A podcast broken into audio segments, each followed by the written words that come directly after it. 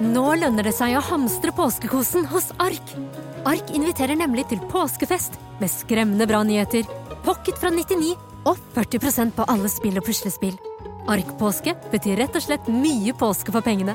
Så fyll opp med påskens favoritter i nærmeste Ark-butikk eller på ark.no. Otto og Anne tar pulsen på landet. Ja, det gjør vi. Jeg heter Otto Jespersen, og hva var det du het igjen? Jeg heter Anne Grosvold, og hver uke har vi med oss en interessant gjest. Det har vi. Otto og Anne tar pulsen på landet, hører du der du hører podkast. En podkast fra Podplay. Ready? You have the cameras rolling? He was hosting boozy parties in Downing Street. But when the president does it, that means that it is not illegal. I have a dream. We will win this election and we will change the country together. I did everything right and they indicted me. Velkommen. Velkommen. Mitt navn er Sofie Høgestøl. Og mitt navn er Eirik Bergesen. Og dette er vårt nokså uhøytidelige, veldig personlige forsøk på å gå bak ukas nyheter, lete etter sammenhenger, si noe om framtiden, på jakt etter det store bildet, slik vi ser det. Hver fredag. Og første første gangen på lenge vi faktisk møtes fysisk, for vi har spilt inn fire sommerspesialer Mhm. som har blitt uh, sendt i tur og orden, gjort i opptak før sommeren. Mhm. Så hvordan har sommeren vært, Sofie? Vi kan jo gå rett inn, inn i det lille bildet. Jeg følte at uh, det siste jeg gjorde før jeg begynte på sommerferien, var jo å spille inn den siste uh, episoden som gikk forrige uke om eh, kommunevalget. Mhm. Eh, og så spilte jeg den episoden, og så måtte jeg springe ut av studio fordi jeg hadde noen folk fra Unge Venstre som skulle komme og hente meg og kjøre meg ned til Unge Venstre sommerleir.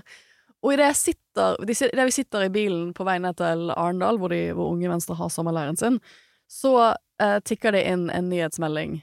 Bjørnar Moxnes har, har blitt eh, eh, Har fått en bot for å ha stjålet et par solbriller på Gardermoen. Og da følte jeg Oi! Da tenkte jeg sånn Vi har jo spøkt om at uh, de fre siste fredagene før sommeren så var det breaking news hver eneste dag. Vi, vi hadde ikke sjans til å, følge, liksom, til å følge opp alt som skjedde. Altså, fredagene var sånn Det kom liksom små politiske bomber som vi ikke greide å ta høyde for. Mens vi snakket i studio, Ofte til mens vi snakket i studio. Retteberg-saken. Ja, så da var jeg sånn Ja, ja. Uh, dette blir litt av en sommer. Uh, og jeg, jeg syns jo på noen måter oppriktig synd på Moxnes i den forstand at må, på noen måter er det verste mulige tidspunktet. Det er starten på fellesferien. Jeg tror det var veldig mange som satt, som jeg gjorde, i en bil, eller på et tog, eller på vei til en flyplass uh, for å ta ferie. Og så er det Det er bare saken som dominerer nyhetsbildet i en hel uke. Altså, folk må jo ha noe å prate med svigerforeldrene om eh, Ja, ja. eh, på hytta rundt eh, pappvinen, og, og da er jo dette saken, da. Det var jo, men det, det var bokstavelig talt det jeg satt og snakket med mine eh, For um, svigerforeldrene mine har hytte på Stavern. Så jeg var da på Unge Venstre sommerleir, og så kom samboeren min og hentet meg. Og så kjørte vi opp til hytta der, og så var det noen dager. Uh, så vi var på hytta da um, videoen kom. Og vi så på den sammen. Liksom sånn familieviewing av videoen. Vi, liksom, vi, vi var på kino og var sånn Vi må vente med å se den. Liksom, vi kan ikke se den i bilen, vi må vente til vi er hjemme, liksom. Og, så jeg, og jeg tenkte da Jeg tenkte på han at, altså, som medmenneske at dette er den verste mulige tidspunktet for alle. Alle kommer til å sitte sammen med familien sin og se på dette i kveld og ha masse hot takes på hva som egentlig skjedde. Og så har jo bare eh, dette fortsatt Altså, det har vært breaking news gjennom hele, Hele sommeren. sommeren. Du har, du har truffet noen eh, sommervikarer her nylig som, som hadde sagt Ja, at eh, eh, ja jeg, jeg, vi har jo vært eh, vi, vi skal jo snakke om dagens store nyhet, som er eh, at det kommer en ny høyere utdanningsminister. Breaking news. Breaking news! Nei, jeg, jeg er jo Spesialpod. Jeg, jeg, det er jo min minister, så jeg syns det er veldig gøy at uh, det, jeg ser at VG nå sier at det blir Sandra Borch. Velkommen, Sandra Borch. Men det, vi skal jo selvfølgelig snakke om Trump-tiltalen, for vi var jo Apropos begge hottakes, dette snakket vi jo faktisk om på telefonen her om dagen, at uh, antageligvis så blir det Sandra Borch, fordi Ja. hun har gitt eh, bøndene mer Altså, det er ikke mer penger å hente til bøndene. Hun kan ikke vinne flere seire der. Så det er Vi var jo ikke alene om å tenke det, men når vi, når vi ringte jo hverandre etter Ole Borten Moen-saken For at jeg ringte ofte i sommer og vært sånn vi må snakke om det som skjer nå. For vi har jo ikke hatt podden å snakke om. Eh, men, men da var jo tanken vår at eh, hun har gitt eh, jord, eh, landbruket to ekstremt sterke oppgjør. Det er vanskelig å levere det en tredje gang i gitt alle de økonomiske forholdene som ligger til grunn nå. Og da er det kanskje fint å bytte ministerpost og bre seg litt ut og få enda mer regjeringserfaring før man kanskje har lyst til å bli nestleder i partiet. Men det er ikke det vi skal snakke om i dag. eh, For de som hadde trodd det. Det er selvfølgelig Trump, Trump, Trump, Ja. Trump, Trump. Eh, og, men bare for å avslutte runden om sommer eh, Jeg hadde sånn Det var Moxnes var på en måte den der eh, ikke-stille transisjon inn til ferie. Den ikke-stille transisjon ut av ferie var koranbrenning. Ja, Så jeg ja for hadde du, eh, på, du dukket jo på Dagsnytt 18 dukket opp fra hytta. Fra hytta. Så, fordi det er jo noen ting som man bare må stoppe opp og prate litt om, fordi den er såpass prinsipiell. Eh, og, den, og jeg føler på en måte at den saken har forfulgt meg litt siden karikaturstriden og brenningen av eh, norske ambassaden i Damaskus for en, eh, en del år siden nå. Så, så var, eh, den er interessant. Så det er, også en sånn sak som det vet jo du alt om, som er eh, jurist. Du, du kan ikke ta lett på sånne saker, for det er så mange prinsipielle og juridiske sider. Sånn, så hvis du først skal ta en sånn sak, så, så må du gjøre det ordentlig. Og det er så mange som kan bli så sure på deg hvis du tråkker feil i en sånn sak. Så, så det var Jeg, jeg unngikk faktisk det. Og du, du blir sånn posterboy for uh, en del kanskje du ikke nødvendigvis sammenligner deg med sånn helt uten videre. Uh, Iallfall noen dager før det er glemt, og de er sure på deg for noe annet. jeg syns du var veldig flink. Um, jeg synes du var veldig flink. Jeg var jo dratt inn på Dagsnytt 18 jeg tror noen dager før. Jeg hadde nesten glemt hva det handlet om, men det handlet da om Ron DeSantis sitt forsøk på å sprite opp skolepensum i Florida. Eh, hvor de nå har innført en nytt pensum eller nye retningslinjer for hvordan man skal undervise slaveri. Ja. Uh, hvor man da skal trekke frem litt positive sider ved slaveri. Og det er, sånn, det er også en sånn rar debatt å være i. Litt fordi at jeg har jo hatt om slaveri Jeg har jo gått på sånn skoler som har hatt amerikansk pensum. Jeg måtte tegne en Jeg husker jeg måtte tegne en sånn tegneserie basert på Vi måtte se Roots, som er en sånn um, veldig god serie om Alex om, Haley. Alex Haley, det, det, er en klassik, det er en klassiker. Det er en, det er en serie som ble laget om Som skildrer liksom slaveri, som følger en familie fra uh, Kunta Kinte? Nå husker jeg ikke Mm. Ja, um, som, som, uh, som når faren blir kidnappet og stjålet fra, fra livet sitt i Vest-Afrika, uh, frem til familien hans blir frie. Um, og da måtte vi tegne sånne Vi måtte tegne vår egen ter, eh, sånn tegneserie som skildret et eller annet med slaveri. Jeg tror de, da var vi sånn kanskje 12-13. Jeg tror de fleste av oss tegnet et eller annet som endte med at noen ble hengt eller, eller pisket. Så det, da var det noen foreldre som var sånn Dette er kanskje litt sånn Dette, kanskje, dette var kanskje litt sånn, sånn uh, kraftig. Men jeg husker læreren vår var sånn Men det var slaveri. Altså, skal vi ikke undervise at det var dette som skjedde med de aller fleste slaver? Så jeg har, jeg har jo på mange måter gått på en sånn, sånn skikkelig woke Jeg tror nok at Ron Santis ville tenkt at den skolen jeg gikk på, var super woke, og jeg hadde en super woke lærer. Så jeg har ikke lært hans slaveripensum, men det, det, er rar, det er en rar debatt å være i, for det er, det er liksom ikke Det er jo ikke noen som Det er veldig få som kommer til å si at det er en god endring. Det er veldig få som tenker at dette, dette gjør han jo ene og alene for medieoppslagene, uh, for å styrke presidentkampanjen sin, uten at jeg uten videre tror at det er det han gjør. Så Men men det som er helt utrolig, bare så hvis ikke folk fikk med seg begynnelsen på dette her ordentlig Ja. De positive sidene av slaveri. Altså, hva Hvilke fordeler var det ja. de svarte slavene hadde ved å Eller- være slaver? At, at, at, de, at de lærte en del ferdigheter. Det var ett av punktene. At de liksom lærte en del ferdigheter som blacksmithing og liksom caring for horses og lage mat. I don't even know. Men, men da, da var det en historiker som skrev en lang kronikk som jeg kan anbefale i Washington Post, som var sånn Nei, mange av de som ble, hent, liksom, mange av de som ble kidnappet og hentet til USA, mange av de slavene var hentet fra områder i Vest-Afrika hvor man hadde mer sofistikert blacksmithing, man hadde mer sofistikerte ferdigheter innenfor landbruk, ikke sant, og de ble hentet av den grunn, for de hadde ferdigheter. Så det å, å si at de bare liksom Dette var liksom det, det, det utgangspunktet at the white man taught them lots of things, so it wasn't so bad, det er jo et ganske rasistisk utgangspunkt i seg selv. Men nok om det. det Ja, fordi altså, men så ko-ko på en måte var eh, USA og, og den eh, ja, altså den, eh, den, som, den mulige eh, altså rivalen til, eh, til Biden, den eneste tenkelig per nå, da, eh, presidentkandidaten for republikanerne, var det han surra med. Eh, I det, for øvrig også, Han har også en, en eh, kronikk bare noen dager før eh, dette skjedde med Trump, eh, hvor han snakket om at eh, Fauci er den som har styrt USA de siste årene. Han, han, eh, han som sikkert mange så under korona, som var liksom helsesjefen under sant. Så, så, så, så eh, DeSantis har de siste månedene vært veldig opptatt av å være med Trump enn Trump, og er Ja. fullstendig i konspirant. Og så kommer altså denne nyheten eh, seint på kveld, eh, her for bare noen helt få dager siden, onsdag, og om at Trump er tiltalt, og this is the big one. Dette Ja, er, med har- dine ord, Sovje, the Superbowl. This is the Super Bowl of indictments. This is the Super Bowl å- å være USA-ekspert, særlig hvis du også forsker på strafferett. eh, Så er dette This is my Super Bowl. Men jeg gikk jo rundt og ventet på den tiltalen, for det var jo Først får han jo midt i sommeren en, et brev som sier at han er uh, a target av denne etterforskningen. Altså det er han som Hele denne etterforskningen uh, handler om han, eller han er en av de personene de ser mest på. Når du får et sånt brev Påtalemyndigheten må ikke sende deg et sånt brev. That's, det gjør de for å være høflig.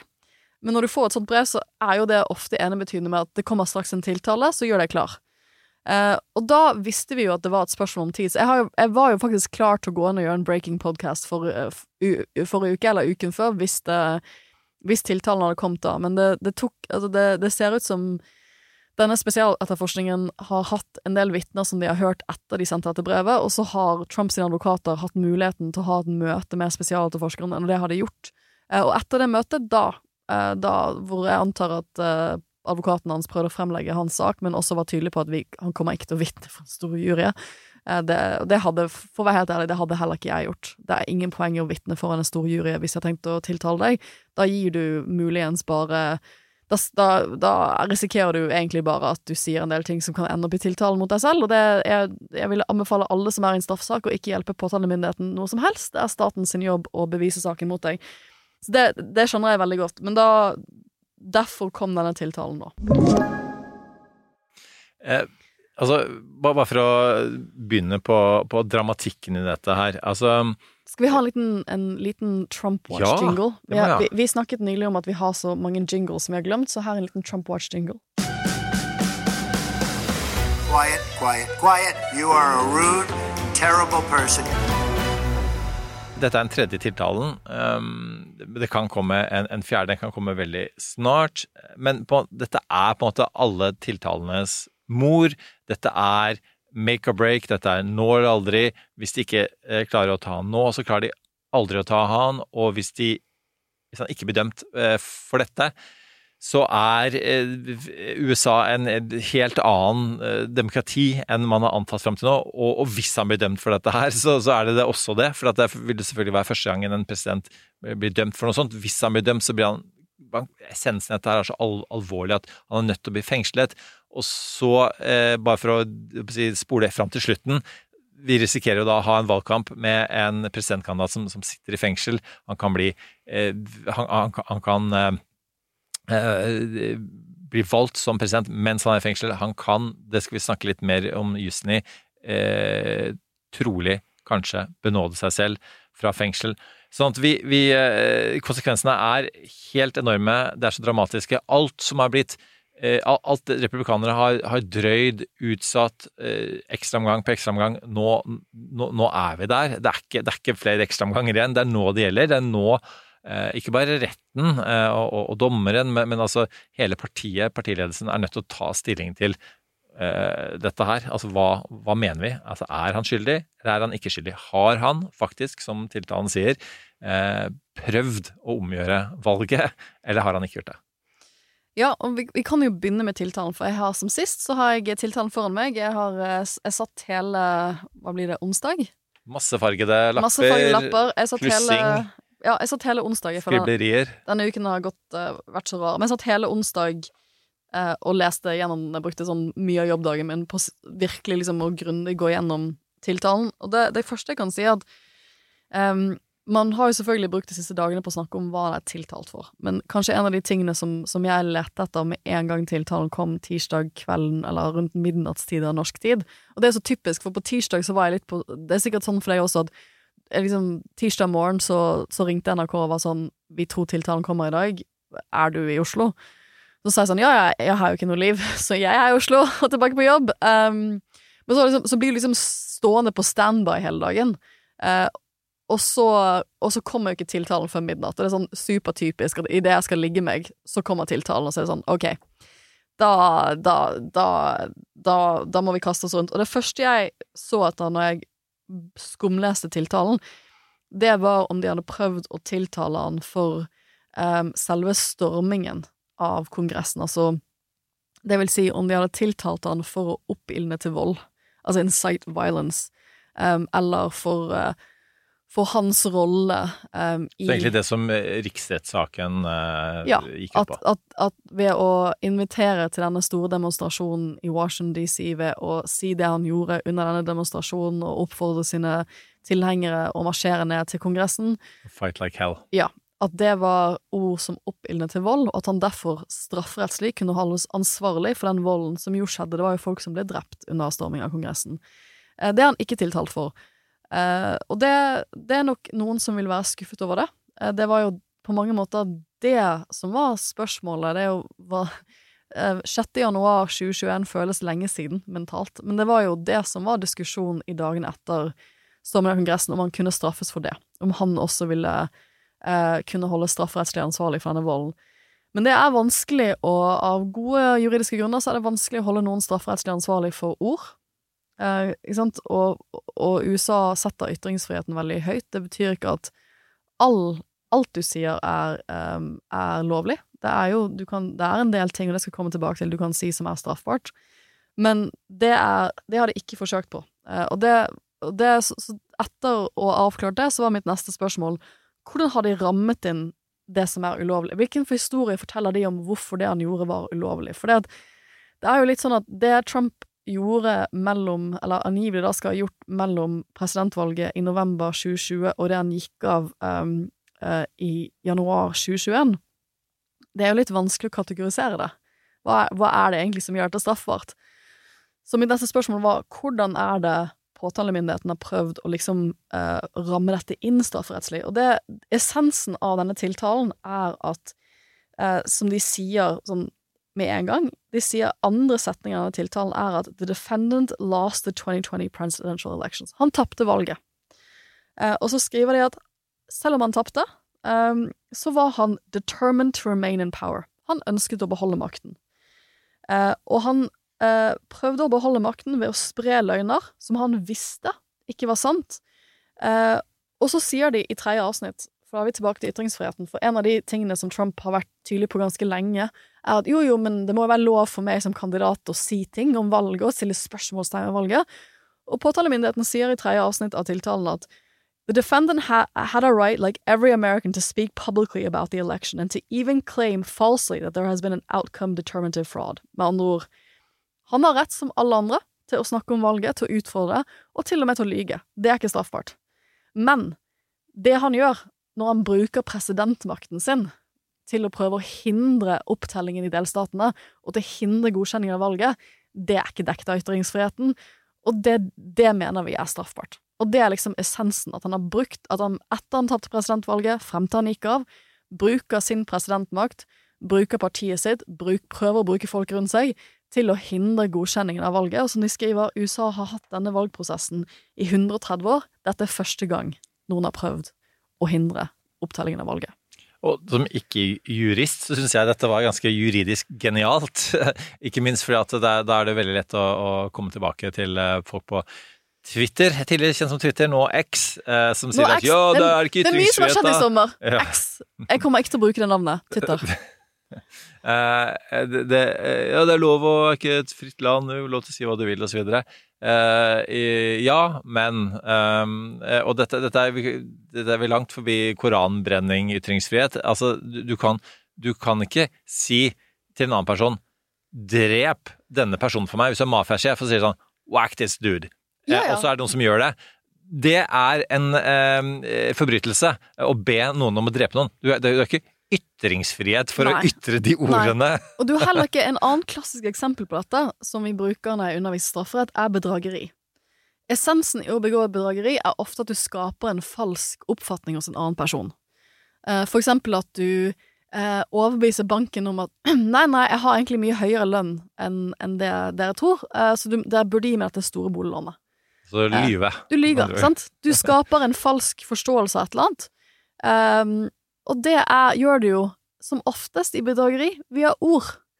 Ikke sant? Du, du sier til når du skal kjøpe bilen Nei, nei, men jeg har masse penger på konto, men kortet mitt virker ikke nå. Men kan ikke dere bare gi meg bilen? Jeg skal, jeg skal gjøre en overføring av pengene. Og så viser du et lite brev hvor du har forfalsket en overføring. Der bruker du ord til å, til å begå det bedrageriet. Og hva er første tiltalepunkt mot Trump? i den tiltalen, det er 'conspiracy to defraud the United States'. Og jeg vil oversette det til å svindle USA. Han lagde en konspirasjon, eller en kriminell plan, sammen med andre mennesker, om å svindle USA. Og så skriver de i syvende, tiltale, eh, syvende avsnitt av tiltalen altså hva var formålet bak denne conspiracy, denne kriminelle planen. The purpose of the conspiracy was to overturn the legitimate results of the 2020 presidential election by using knowingly false claims of election fraud to obstruct the federal government function by which those results are collected, counted and certified.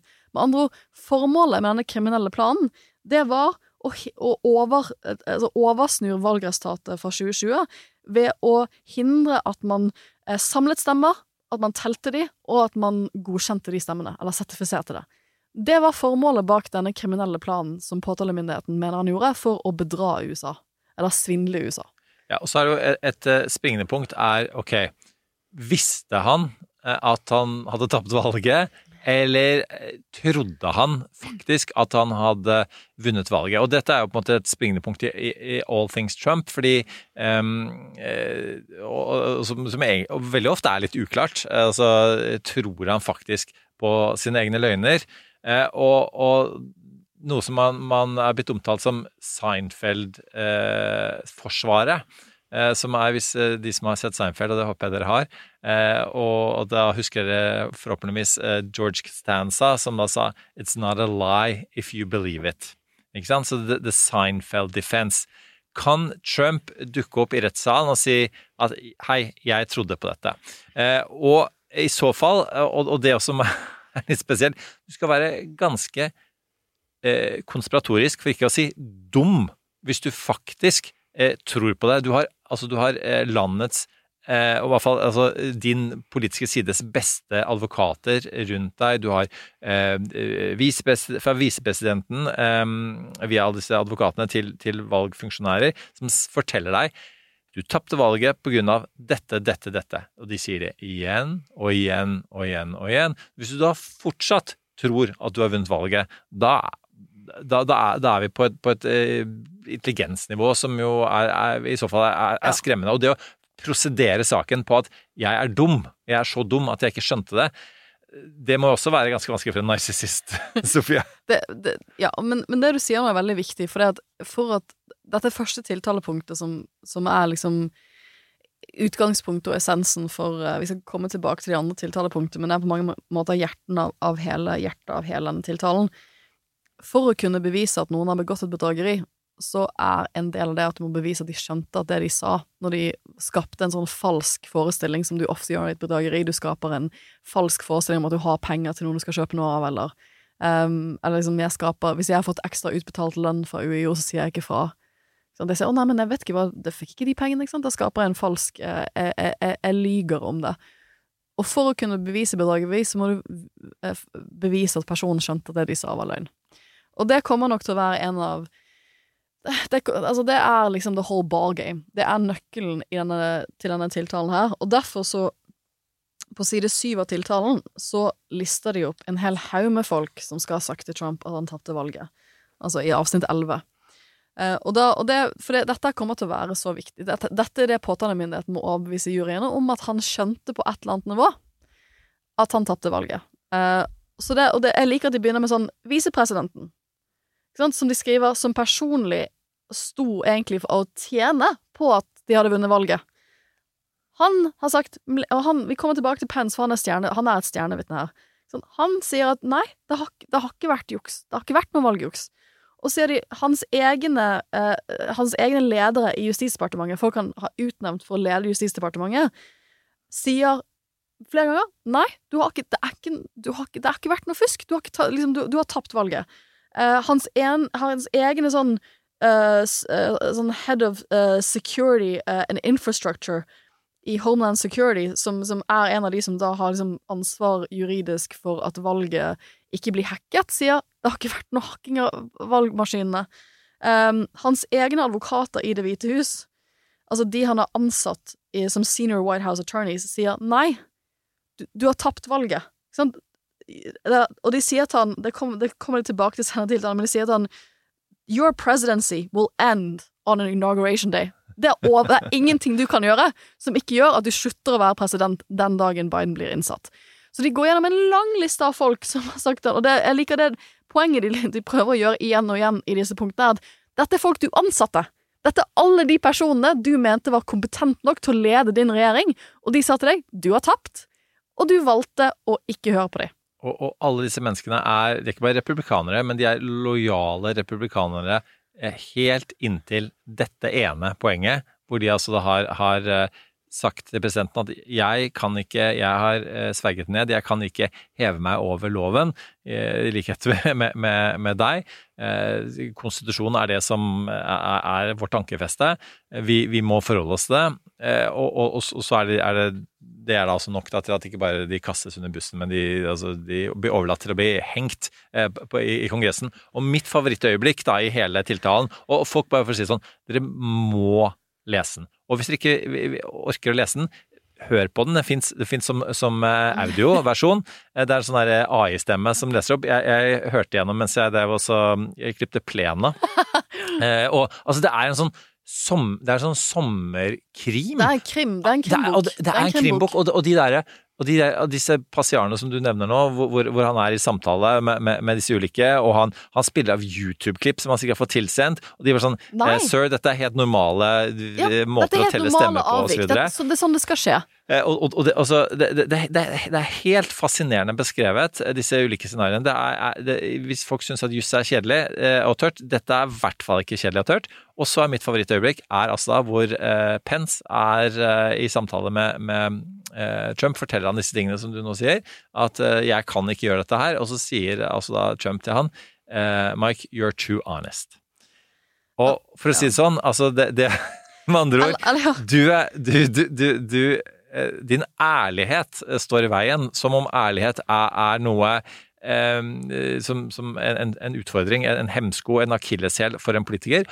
Og altså, Mike Pence, eh, må bare ta det kjapt, altså han har ikke bare har han gone all out her, altså han har jo eh, Han har gitt de notater han tok under, ja. eh, under denne prosessen, og de bruker sånn memorialized, at han liksom Og det er når du skriver den typen notater i USA, så eh, gjør du det fordi du prøver å bevare hva som skjedde i tilfelle det blir en rettsprosess. Det en, altså, du, og det har han gjort tydeligvis fortløpende. Ja. Så he's kept heldigvis. a diary.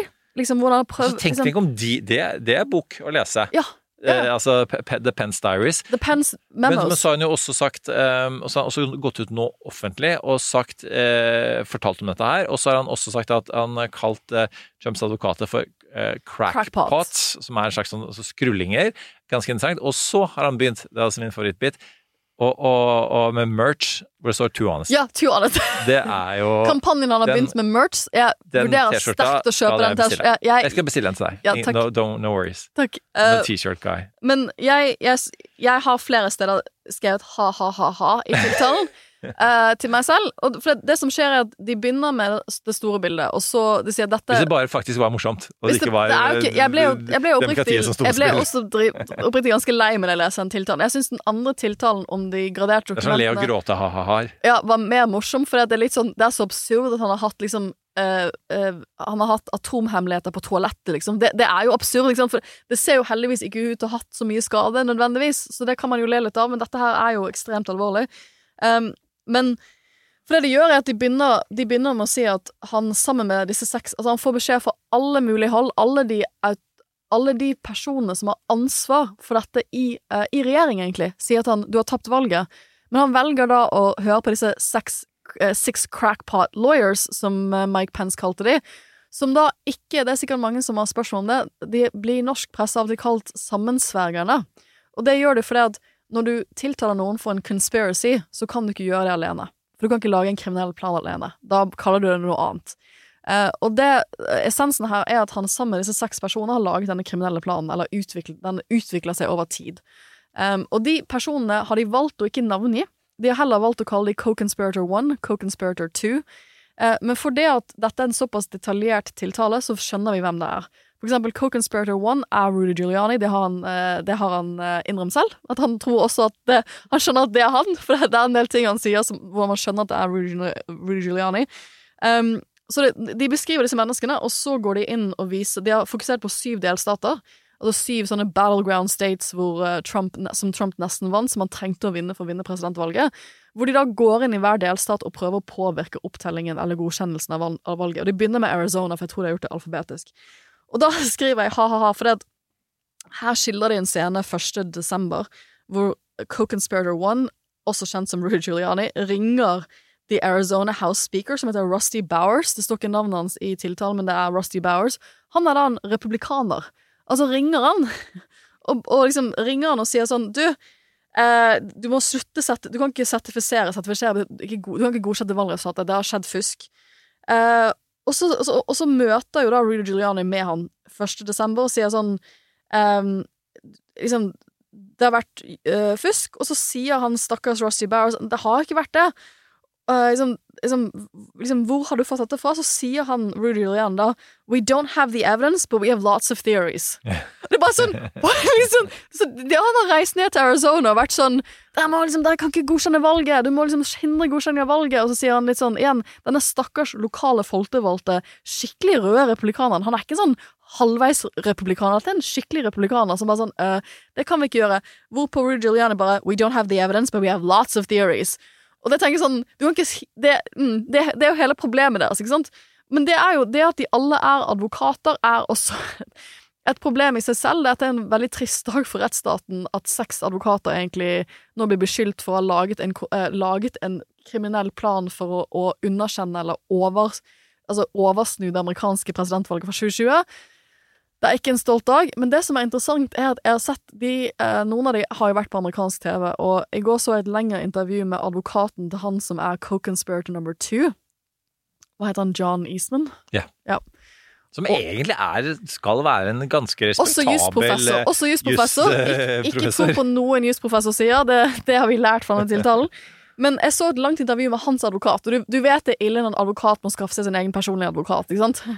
uh, og hans hovedforsvar uh, i det intervjuet var at nei, nei, uh, John Eastman har bare vært advokat og gitt juridisk rådgivning. Og av og til, når du har en klient som har lyst på litt rare ting, så må du liksom try liksom, å bend the law within reason for å passe den klienten. Og det er liksom, sånn gjør advokater hele tiden.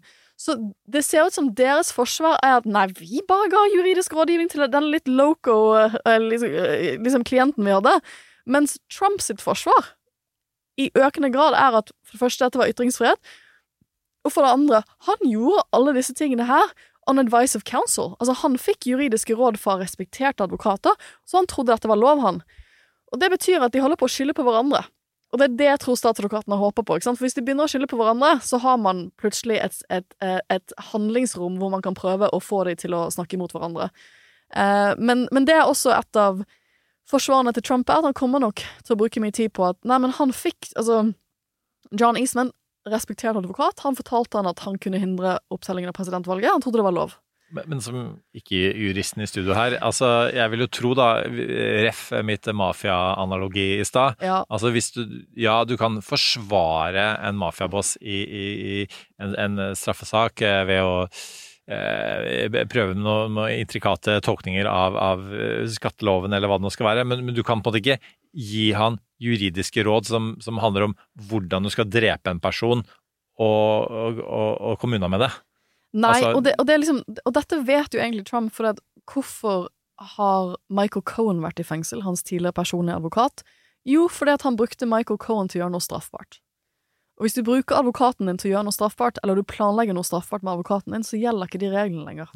Eh, og det er nok det påtalemyndigheten kommer til å bruke tid på, at nei, nei, her, dere lagde en kriminell sammensvergelse, og alle de reglene som gjelder om sånn attorney-client privilege, altså taushetsplikt, alle de tingene der, det går rett ut av vinduet. Du, du, du, du, ja, du kan ikke begå en straffbar Du kan handling ikke bruke med vitende vilje. advokaten din til å, bruke en, til å begå en straffbar handling, og bruke det som en shield. Og, og, Du kan vri på loven, men du kan ikke bryte loven. Nei, det, men det er, den, det er nok akkurat den grensen der som disse advokatene som er, kanskje da blir tiltalt det, det er jo det man forventer at noen av de kommer til å bli tiltalt i en egen sak.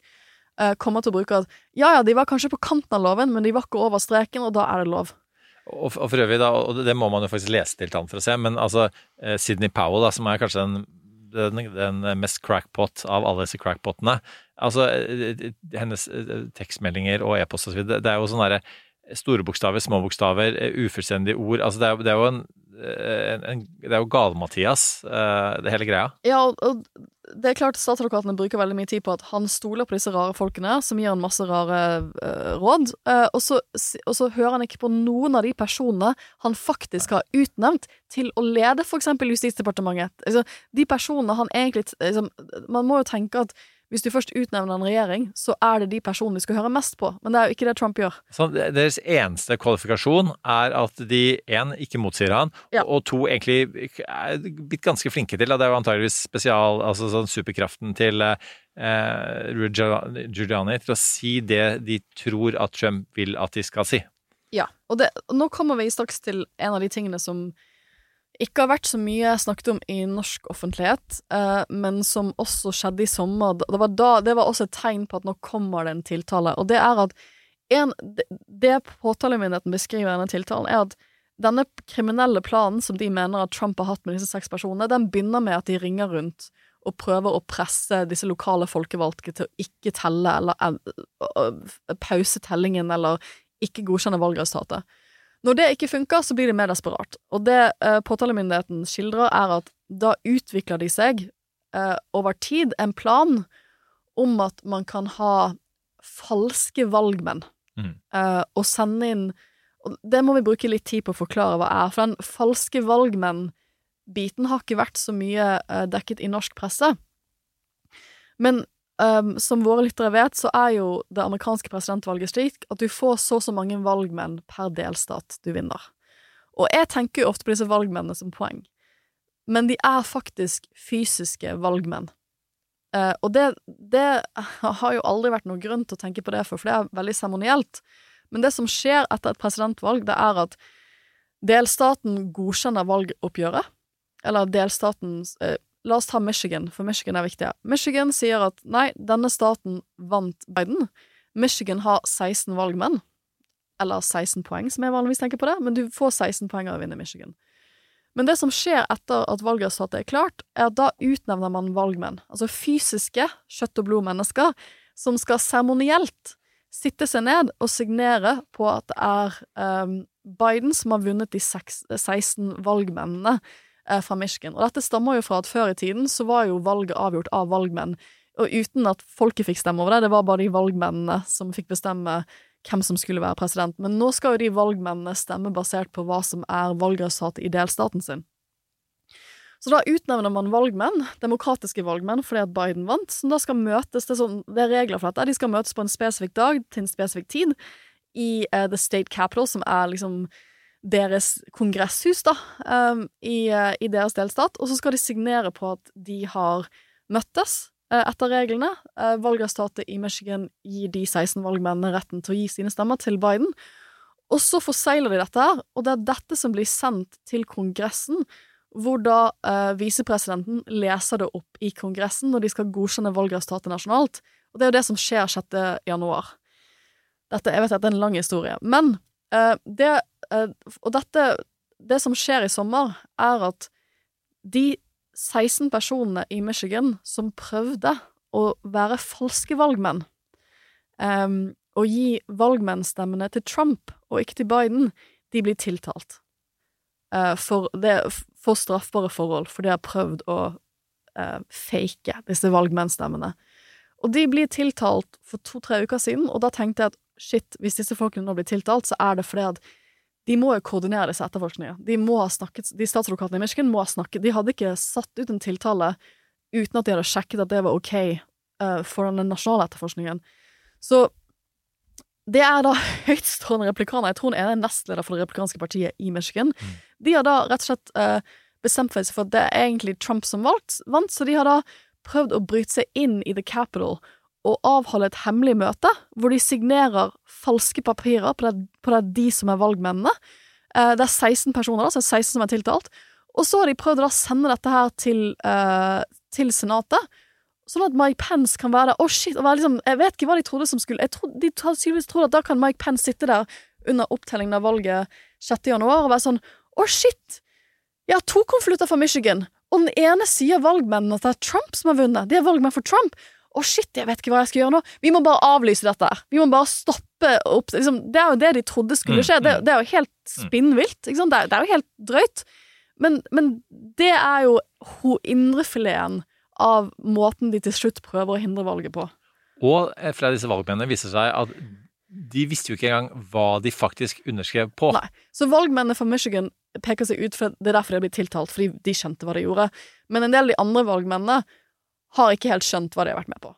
Fordi, fordi de har trodd at hvis det blir så mye juridisk splid at det faktisk kan vise seg for eksempel at, at ja, det er, og det er dekket, avdekket at det er valgjuks, eh, er du da klar til på en måte også å stemme for Trump hvis det viser seg at han egentlig har vunnet staten? Ja, det kan jeg være med på. Eh, men, men, men det de egentlig har underskrevet på, hvis de hadde lest den lille teksten, eh, er jo at, eh, at, at de, de, de er for Trump selv om valget var rettferdig. Det, er altså, det vil si at den er godkjent av alle alle Ja. mulige instanser som skal godkjenne Så, den slags. så i avsnitt 53 av, av tiltalen så står det at As the defendants attempt to obstruct the electoral vote through deceit of state officials met with repeat failure, beginning in early December 2020, he and co-conspirators developed a new plan to marshal individuals who would serve as the defendants' electors. Så med andre ord, når de ikke greier å få delstaten til å slutte å telle stemmer, eller til å ikke godkjenne valgresultatet, så lager de en ny plan. Og da går de gjennom at denne planen utspiller seg da eh, i desember, hvor eh, co-conspirator nummer, nummer fem, som jeg glemmer navnet på, han har også blitt identifisert av de fleste store amerikanske mediehus. Men han skriver et notat, så ikke, denne tiltalen er en snakketiltale. De fleste bevisene her er hva folk har sagt i møter.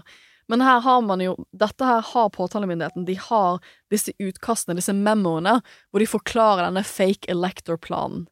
Eh, Så det kommer nok antageligvis også til å bli et ganske viktig beviselement i en, retts, en fremtidig rettssak. Eh, og de fokuserer seg da på Arizona, Georgia, Michigan, Nevada, New Mexico, Pennsylvania og Wisconsin. Så det er de delstatene som man kommer til å bruke mye tid på i en, uh, i en rettssak.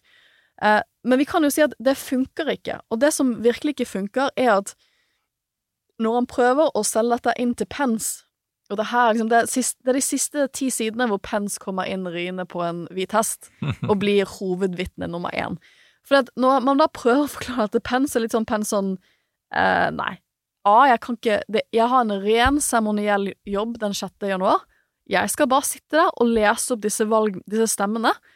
Jeg skal ikke si noe mer enn det. Det er det eneste jeg skal gjøre. Jeg kan ikke stanse noe, jeg kan ikke pause noe. Det er ikke jobben min som visepresident.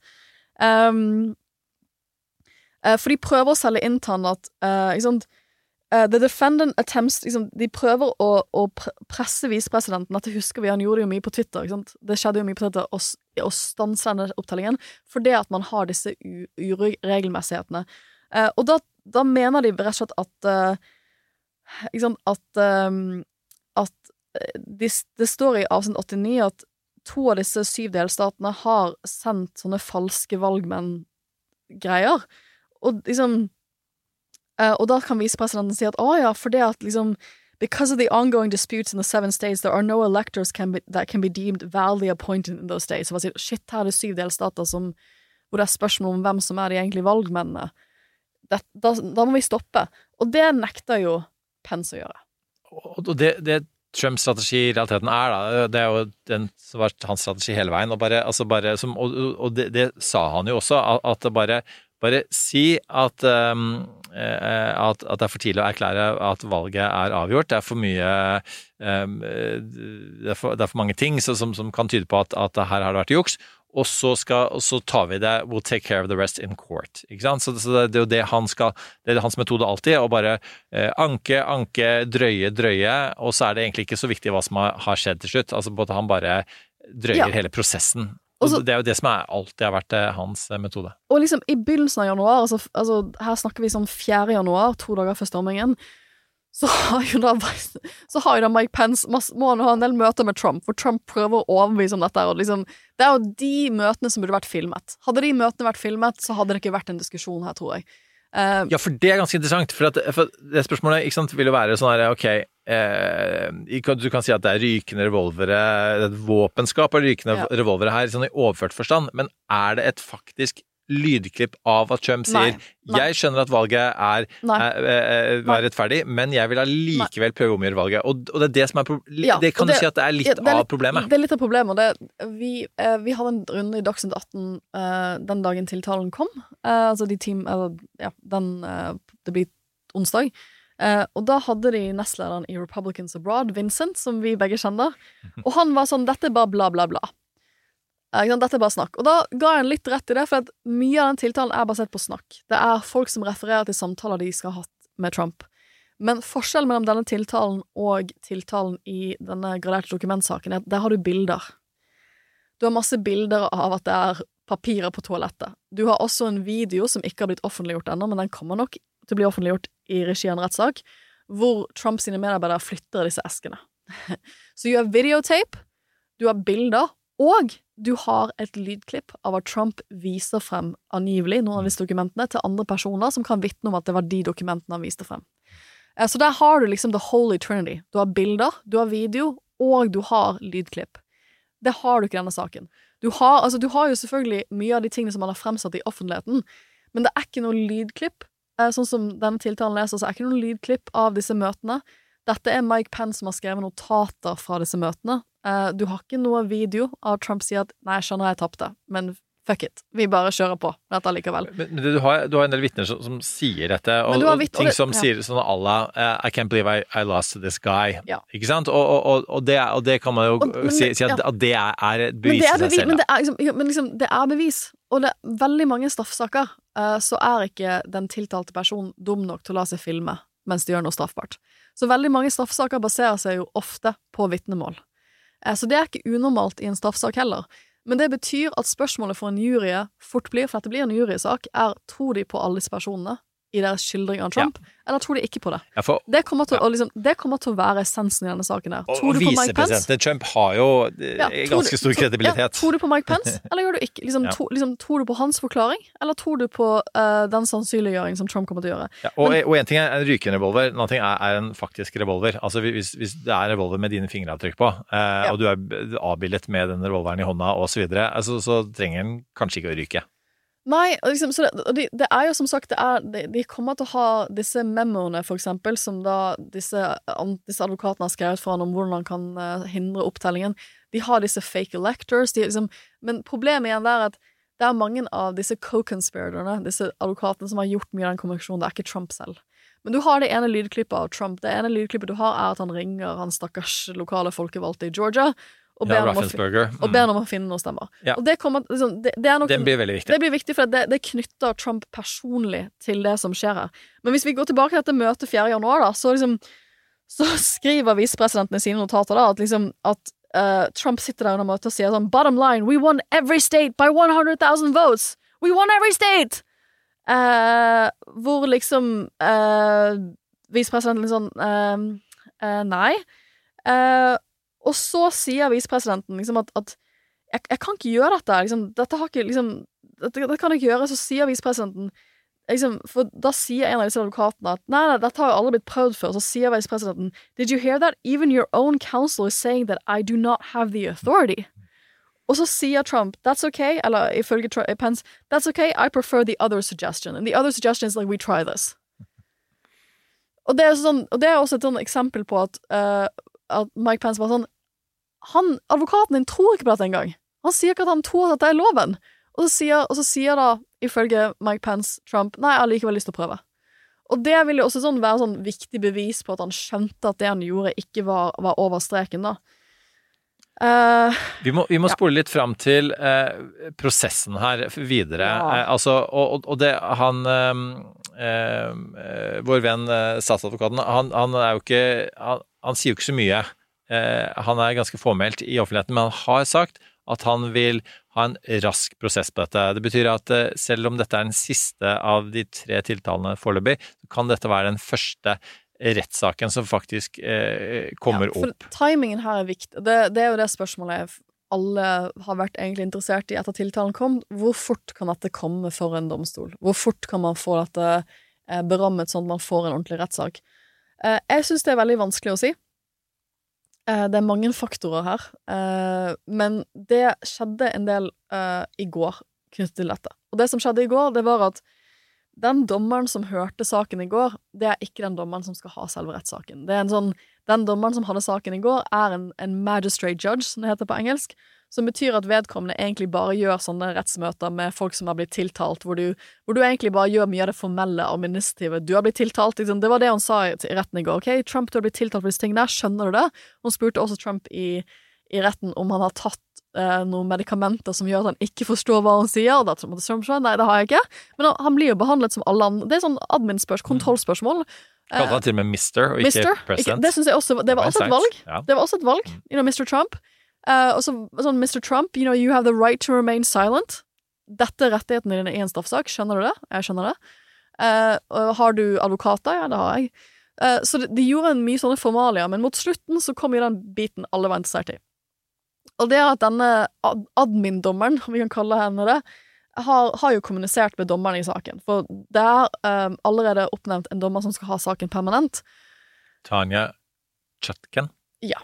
Og hun er ikke hvilken som helst uh, dommer. Hun har hatt ganske mange 6. januar-saker, eh, hvor hun har vært veldig streng. Hun har jo en sånn, et, et sånn sitat i en av de sakene som er Presidents are not kings. Plaintiff is not a president. Ja, for hun har altså, hun, hun, har vært innom, hun har vært innom dette her litt før, i en litt annen setting, hvor jeg tror det handlet om en sånn rettsbegjæring som Trumps advokater gjorde, om at han ikke skulle måtte, skulle måtte utlevere en del dokumenter til Jeg tror det var kongressetterforskningen av 6. januar. Og da svarte hun at uh, Presidents are not kings. Du er ikke konge, og du er ikke engang president lenger. Så dette er ikke en dame som har uh, viket i møte med Trump før. Og hun har som sagt hatt veldig mange saker mot andre som har blitt tiltalt for stormingen av 6. januar, hvor hun utpeker seg i at hun til tider har gitt strengere straff enn til og med det påtalemyndigheten har spurt om.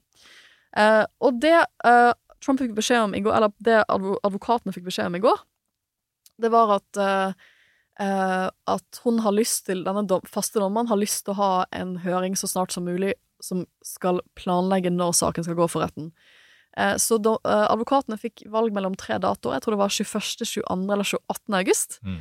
Eh, hvor påtalemyndigheten var sånn 'Vi har lyst på 21. august', for de har sagt de har lyst til å gjøre en fortsak. Mens eh, forsvarsadvokaten var sånn 'Nei, vi må vente til 28. august', så de ble enige om 28. august til slutt. Og 28. august så skal de møtes klokken ti amerikansk tid i retten for å rett og slett fastsette eh, dato for selve rettssaken. Eh, og da har partene fått beskjed om at påtalemyndigheten har nå syv dager til å sende sin begrunnelse til dommeren på hvorfor, eh, hvorfor de mener, når og hvorfor de mener at rettssaken burde gå sånn som de vil. De kommer nok til å be om en tidlig rettsdag, rettsdato. Eh, og så, etter det, så vil Trumps advokater ha ca. en uke på å svare det ut. Og de kommer nok til å be om en retts... Eh, jeg vil jo tippe på at de kommer til å be om noe som kanskje er etter valget i 2024. Eh, og så kommer, de til å, og så kommer dommeren til å ta begge sidene av saken. Så kommer de til å ha et rettsmøte om det 28. august. Og så ser det ut som hun fullt ut legger opp til at hun 28. august skal eh, komme med en avgjørelse, da, dagen etter, komme med en avgjørelse hvor hun fastsetter tidspunkt. Det betyr ikke at det blir endelig tidspunkt. Det kan godt være at Trumps advokater de har jo allerede sagt offentlig at de ønsker å prøve å få saken flyttet til West Virginia. For de mener at det vil være umulig å finne en nøytral jury i en så blå eh, Nå er ikke Washington DC et, en stat, men det er et valgdistrikt, og der stemmer nesten alle på demokrater. Så de, 90 ja, Pluss. Plus. Så det, de mener at det er ikke mulig for å finne en nøytral jury. Så det, de har nok en del muligheter til å trenere dette litt, men Men det i seg selv er, er jo helt illusorisk, fordi at uh, dette skjedde jo faktisk i, i Washington. Uh, og rettssystemet er nå sånn at, eh, at uh, Jeg tror det blir veldig vanskelig. for at det jeg, stedet jeg, jeg er det som blir veldig, avgjør. altså dette, dette, Denne rettssalen ligger rett ved Kongressen. Mm. Dette, dette skjedde det, Dette er åstedet Mm. for nesten alt som har skjedd i tiltalen. Eh, Det er jo det er jo flere som eh, har kommentert på i amerikansk media de siste dagene om hvor lang tid saken tar. Eh, det er blitt spekulert i fire til seks uker for å presentere saken. Eh, og, hvis det går så fort som det kan gå og, det, er mye, det er, jo ikke mye forsvar her. Altså Alt som er blitt sagt til nå fra Trumps side, fra Trump og folk rundt han handler ikke om jus i det hele tatt. Det er, kun retorikk, om det så er eh, eh, henvisninger til Nazi-Tyskland, eh, til Sovjetunionen, eh, til eh, ja, det, det, det, ene og det andre, eh, så som ikke har noe med juss å gjøre, så, så, så blir det spennende å se hva det, det juridiske forsvaret hans vil være. Men, men antageligvis så, så han vil ikke bli, ønske å bli utsatt for kryssforhør. Eh, Det, altså det, kan gå, gå ganske fort. Det, spørsmålet er hva slags forsvar det helt tatt vil være. Eh, Og så, sagt, kan liksom, saken ja. kanskje bli ferdig før jul. Jeg tror, Kanskje. jeg tok ikke på det. Jeg tror ikke på det. Jeg ser at det er mange som spekulerer. Jeg tror ikke på det. Jeg tror ikke på det, ikke minst Og fordi det andre datoen, bare for å hive inn det, Ja. så kan du si om du tror på det eller ikke. Eh, eh, 5. mars er Super Tuesday. Hvis man rekker det før det, så rekker man på en måte før primærvalget tar fullstendig av. Ja, øh, altså Og jeg, jeg, Bragg, hø- han advokaten, har sagt at han er villig til å Ja. flytte sin dato, Ja. som er egentlig da. Jeg, for jeg, å jeg, tror- legge til rette. tror at statsadvokaten i New York, som tok ut tiltalen i den Stormy Daniel-saken, at, at uh, Trump skal da ha brukt sine egne penger og gitt egentlig et valgkampsbidrag ved å betale denne eks-elskeren sin penger for å ikke snakke om det forholdet i offentligheten. Han har kanskje innsett at det er ikke en veldig viktig sak. Det er jo en sak hvor Trump kanskje kun risikerer å få en bot.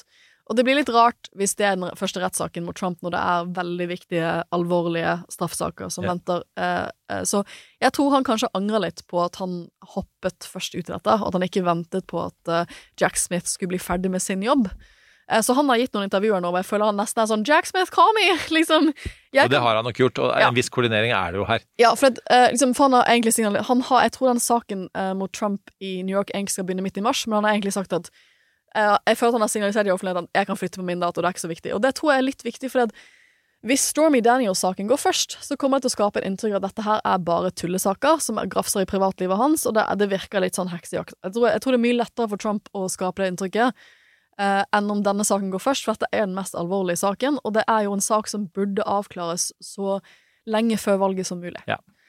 Men, men jeg er nok det er jo målet. Det er jo målet, statsadvokaten har sagt det, men jeg er nok litt av den oppfatningen av at, eh, at det ikke blir så lett. Jeg ser at det er mange som tenker at det, det kan være gjort før jul. Jeg tenker og Da tenker jeg litt med utgangspunkt i at den lille praktiske, praktiske erfaringen jeg har juridisk, er å jobbe på forsvarssiden. Eh, Så jeg kan ha et viss eh, sympati med forsvarsadvokater som sier, og det sa forsvarsadvokaten til Trump i går i retten, at dere har brukt tre år på denne saken. Det er flere tusen sider med dokumenter. Det er masse vitnemål. Det trenger vi flere måneder på å kunne forberede oss for. Eh, For dette blir jo en omfattende rettssak med masse vitner. Eh, Og Trump har som alle andre en rett til å få en rettferdig rettssak. Eh, Og det innebærer jo også at hans advokatteam kan ha nok tid til å forberede et forsvar. Og det kommer de til å kjøre beinhardt på. Så jeg er veldig spent på Og det jeg tror dommerne i denne saken her må jo også balansere mellom at hvis man prøver å få det til å se ut som de stiller den for retten så snart, som mulig bare for å få det gjort, så skaper jo også det et inntrykk av at det ikke er en helt rettferdig eh, prosess mot Trump. Så hvordan de skal balansere de hensynene, det vet jeg ikke. Jeg tror også at med gitt hvor mange hvor mye av beviset her er vitnemål, og det er også viktig. Alle disse personene i denne tiltalen må i utgangspunktet komme og forklare dette her i retten. Og det er sånn som det- tusen mennesker som er vitnet for eh, altså, Ja, altså i riksrettssaken, altså de, samme men, men de, som er, de som har vitnemål, som er den tiltalen jeg holder Mm. nå, de må jo eh, i bunn og grunn komme og forklare seg for retten også. Det tar tid. Gud. Altså, jeg har jobbet, jeg, jeg har jobbet som assistent for forsvarsadvokater. Det å, å trenere en utspørring av et vitne, det er, det er de flinke til. Ikke sant? For de må jo de har, Da skal de få sin, sin sjanse til å stille spørsmål til disse vitnene. Så ta, tanken på at det skal være over på seks uker, I think that's absolute bullshit. Og- I think it's absolute bullshit. Og så er det jo i realiteten sju minirettssaker, fordi du skal gå hjem stat ja, for du, stat. du, skal, du skal trekke inn Du må trekke inn lokale folk fra Arizona, fra Michigan fra North, altså det, det, Nei, jeg har ingen tro på seks uker. Jeg tror det er bare ønsketenkning fra her til helvete.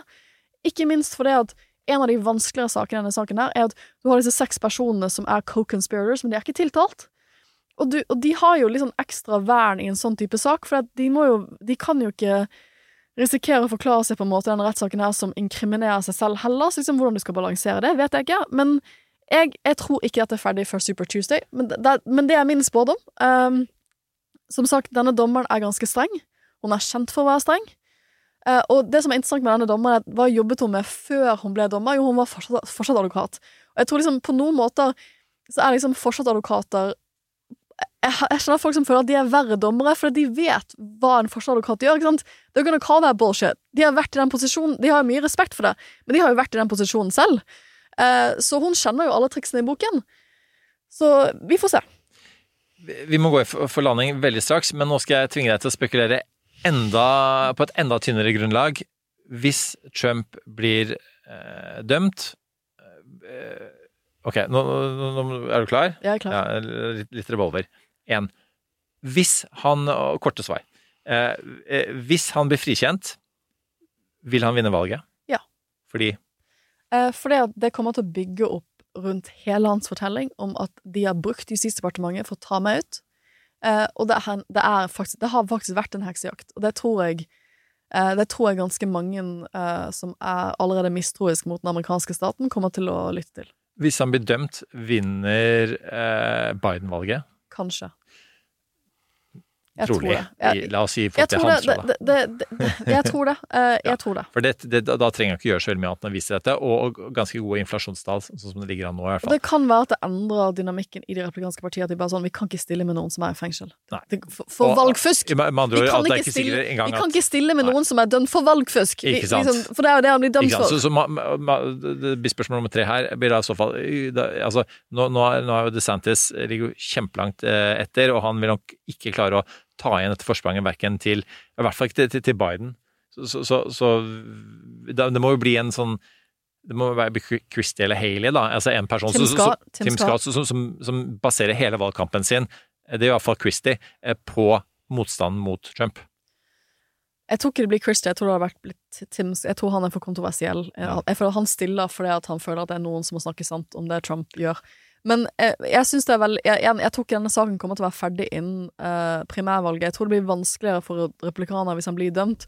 Så står de der en stasjon hvor de må øh, navigere. Skal vi fortsette med en kandidat som er dømt, eller skal vi prøve å finne en eller annen måte å kvitte oss med han, og finne noen andre, og hvem skal nå det være? Og million dollar question Hvis han blir dømt uh, og havner i fengsel og blir valgt som president, hva i uleste navn er det da som kommer til å skje? Uh, dette er en sånn type sånn flott, uh, flott uh, eksamensoppgave. Som man gir til, ofte, ofte i eksamensoppgaver sier vi sånne syke saker, for da må studentene tenke litt ut av boksen, og så må de ofte tolke jus som ikke har blitt brukt før.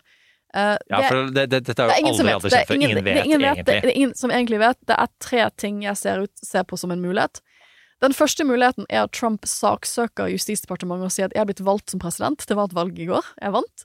Eh, og betyr, det betyr at jeg er utøvende myndighet i USA. Det er ingenting i Grunnloven som står at jeg ikke kan være president som, uh, som fengselsfange.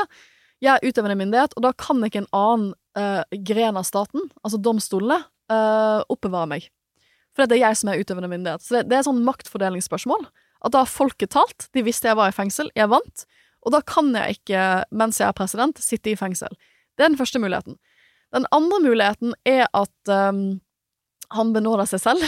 eh, at, og det, det vet vi heller ikke om er mulig, men hvis man skal være djevelens advokat, når jeg leser den bestemmelsen om benådning i, eh, i eh, Grunnloven, så står det, det er ingen forbehold der. Det står bare at presidenten har rett til å benåde folk. Jeg mener... Det står heller ikke for øvrig at uh, noe om, om da Ford benådet Nixon Det var veldig kontroversielt den gangen. Og tro, folk trodde ikke det var mulig. I Ja. dag virker det som den, den, en enkel logikk at det skulle skje. Ja. Så liksom, det, det er ingenting Juss, når det ikke har vært avklart, handler om hvordan du tolker kilden. Eh, og hvis du skal tolke eh, eh, Grunnloven ordrett ut ifra det som står der, så står det at presidenten har rett til benåde. Det står ingen forbehold om den benådelsesretten. Um, og hvem er det som liker å tolke Grunnloven gru- eh, ordrett? Jo, det er konservative dommere. Og hvem er det som sitter i Høyesterett? Jo, det er konservative dommere som har blitt utnevnt av blant annet Trump fordi at de liker å tolke uh, Grunnloven ordrett. Min, så, men, men hadde det blitt en sak i Høyesterett? Ja, selvfølgelig hadde det blitt en sak i Høyesterett hvis han prøvde å benåde, seg selv. Den siste muligheten, den siste jokeren, er at eh, Biden benåder han på vei ut. Sier, det, det ser jeg at New York Times har skrevet, og sier at ja, da har folket talt, og de valgte han, selv om han er i fengsel. Da skal jeg høre på det, og for å spare alle masse søksmål og to-tre dager med total kaos, hvor våre fiender kan stå der og le av oss i en sikkerhetspolitisk veldig vanskelig situasjon i verden, hvor vi ikke har en fungerende statsleder, så benåder jeg Trump nå, sånn at han kan komme til DC og bli president. Med det eh, var episoden vår ferdig. Vi skal ha en, en lynrask eh, anbefalingrunde før vi gir oss helt.